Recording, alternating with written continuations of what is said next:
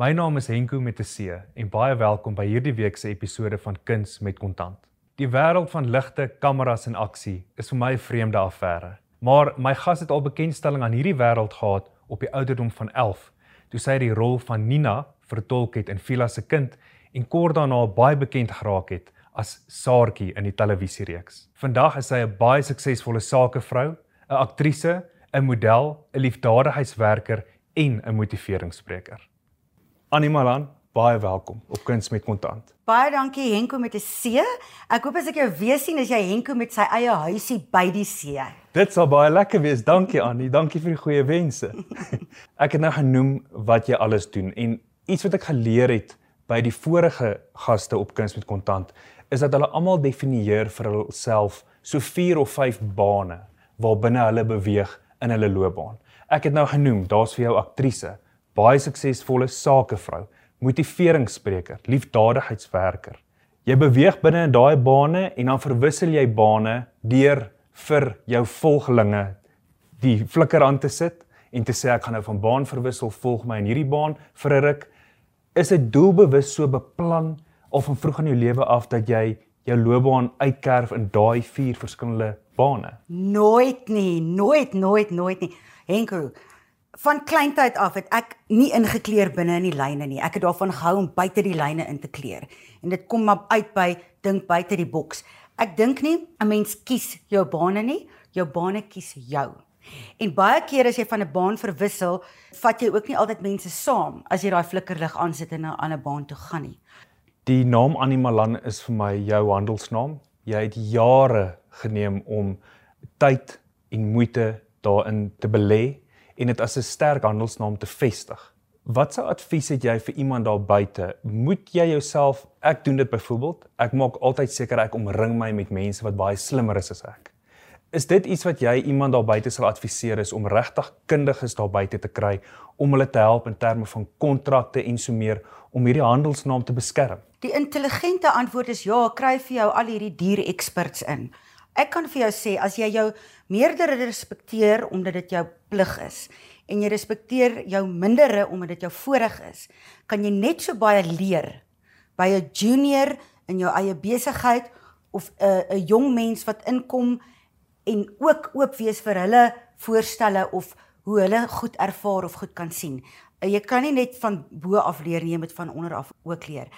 Iets wat ek gevind het van opkomende of voornemende kunstenaars in die uitvoerende kunste is dat hulle kan nie besluit of hulle moet 'n graad gaan verwerf op universiteit of nie voordat hulle hierdie industrie betree nie.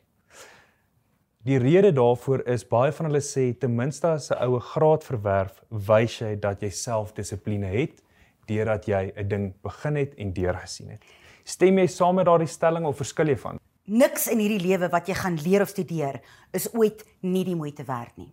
Wat jy ook al swat, gaan iewers op jou pad vir jou iets beteken. So ek is 'n groot voorstander van of dit nou 'n graad of 'n kursus of 'n diploma, wat ook al, gaan leer. Maar ek kan vir jou ook sê, jy dink okay, ek gaan nou hierdie leer en dan kan, kan ek dan wyse kan dit doen. Daar's 'n vreeslike mooi storie oor the gap and the dip. En mense wat weet wanneer om te quit. Selfs as jy suksesvol is, is jy partykeer iewers waar jy weet ek jy moet soms ook iets quit. Miskien moet jy 'n slegte gewoonte quit. Maar wenners weet ook wanneer om op te gee op sekere goed.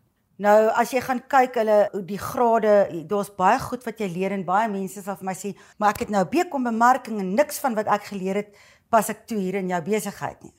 Daai BCom bemarking is nog steeds so waardevol vir my want jy die grondslag gekry en daai goedjies wat jy al vergeet het skop tog steeds hmm. nog in. En dit wys ook dat jy die deursettingsvermoë het om daardeur te kom. Hoe voel jy oor juist daardie jong mense wat in die kunstebedryf wil inkom maar suiwer om beroemd te word? En ek gaan jou sê hoekom ek jou die vraag vra.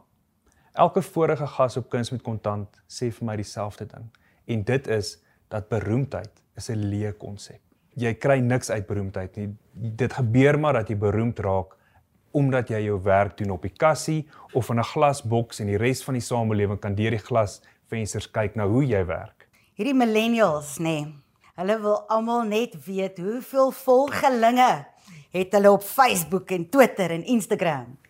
En dan sê ek altyd vir hulle, onthou, Hitler het 6 miljoen volgelinge gehad. Jesus Christus het 12 volgelinge gehad. Ja.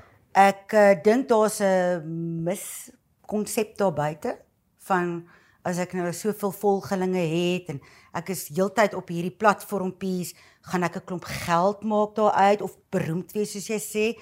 Jy weet dis maar 'n 'n roetjie wat elke ouetjie moet stap vir homself om ook by daai punt uit te kom en te besef maar dit gaan dit maak nie eintlik saak nie. Wat ek vir jou wel wil sê is Vila se kind was ek 11 laerskool en toe sit Saartjie en daar was net drie TV-kanale. Daar was net een groot Afrikaanse fliek op beslag. So, jy weet dit was 'n baie baie groot van almal daai jare met die uh, beperkte kanale wat daar was. Wat ek wel waardeer van die platforms wat ek toe nou op eh, was is ehm um, weer eens die geleentheid dat mense jou begin betrek het by 'n Abraham Kriel kinderhuis, 'n um, Christelike maatskaplike raad. Um ek was standaard 7 toe nooi 'n hoërskool in Richard Bay my om 'n motiveringspraatjie te kom doen. Hmm. Nou jy's 14 jaar oud, maar omdat jy nou in hierdie flieks gespeel het, moet jy kom praat. Jy's 'n klein dogtertjie en jy moet nou 'n boodskap gaan lewer vir matrieks, nê? Dit is ek voor baie dankbaar dat jy soort van skielik op 'n platform was waar jy dit moes maak werk. Ja. Jy jy kon jy het dit nie gekies of gaan vra daarvoor nie dit is nou hoe dit uitspeel. Jy moet nou die beste hiervan maak en daai was groot voorregte. Mm. Want vandag werk ek met baie mense wat ehm um, nie voor baie mense kan praat nie. Ek en jy vergeet wat se gawe dit is en voorreg dat jy wel kan opstaan en sê okay hier's 1000 mense in hierdie saal kom ek vertel hulle gou hoe werk hierdie of wat ek dink hiervan. Almal is nie so nie. Mm. Maar jy kan jouself nie beskerm teen wat ook al daar buite gaan nie en ek wil vir die kykers en die luisteraars sê, jy weet die jong mense daar buite, jy gaan deur boelie, ehm um, jy weet daar's deesdae, jy weet kom elke Hollywood celebrity na vore met boelie en die wat nie geboelie is nie, hulle gaan slat die komediant op die verhoog. Ja. Jy weet so so daar word die arme komediant geboelie uh op by die Oscars. En dit is hartseer dat daar iets is soos boelies. Maar die tye wat jy deur 'n situasie is wat iemand jou bietjie boelie en jy kom daar uit, gaan jy iewers in jou lewe vir daai boelie nog dankie sê. En sê weet jy nee, jy het my lewe so hard gemaak, maar weet jy, daai daai krapperigheidjie wat my elke dag so ontstel het, het ek soos 'n oester gevat en ek het 'n parel gemaak van daai pyn en lyding en kyk my kyk my mooi parel ja. wat ek het vandag.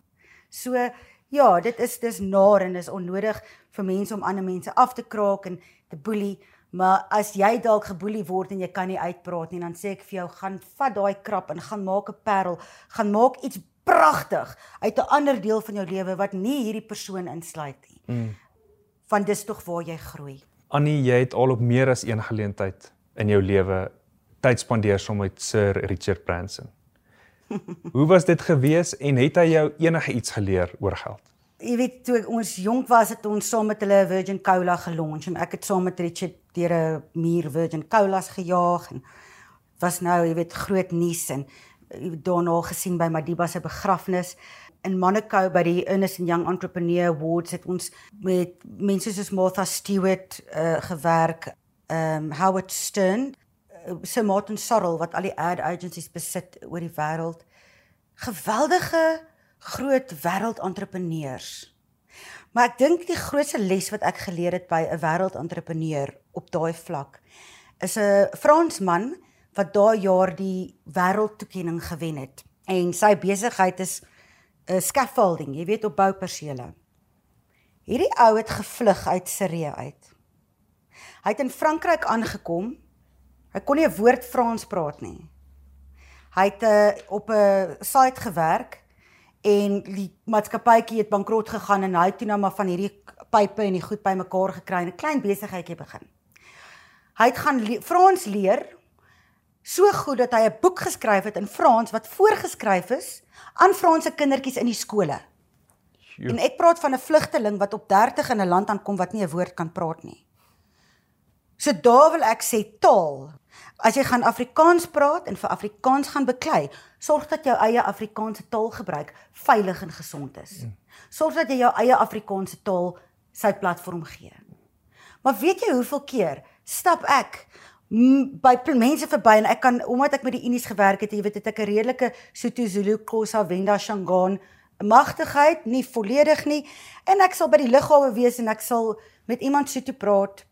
En weet jy die respek en die absolute verbasing wat ek kry by mense omdat ek moeite doen met 'n ander taal is so pragtig dat ek dink regtig, jy weet, ons moet almal uit ons pad uit gaan om 'n bietjie meer tale aan te leer want dis tog daar's 'n mooi gesegde van Langehoven wat sê soveel tale as ek kan, soveel keer is ek 'n man.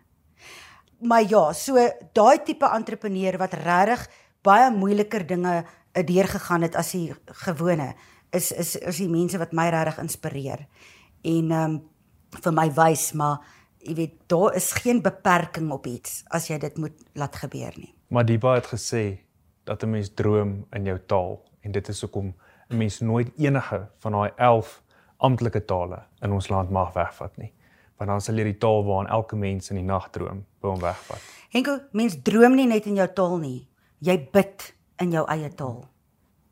En daarom is jou taal, wat so taal jy ook al by jou ma ontvang het, is 'n baie belangrike fondasie. Annie, baie dankie. Dit was my groot voorreg om jou op kuns met kontant te hê. Baie dankie.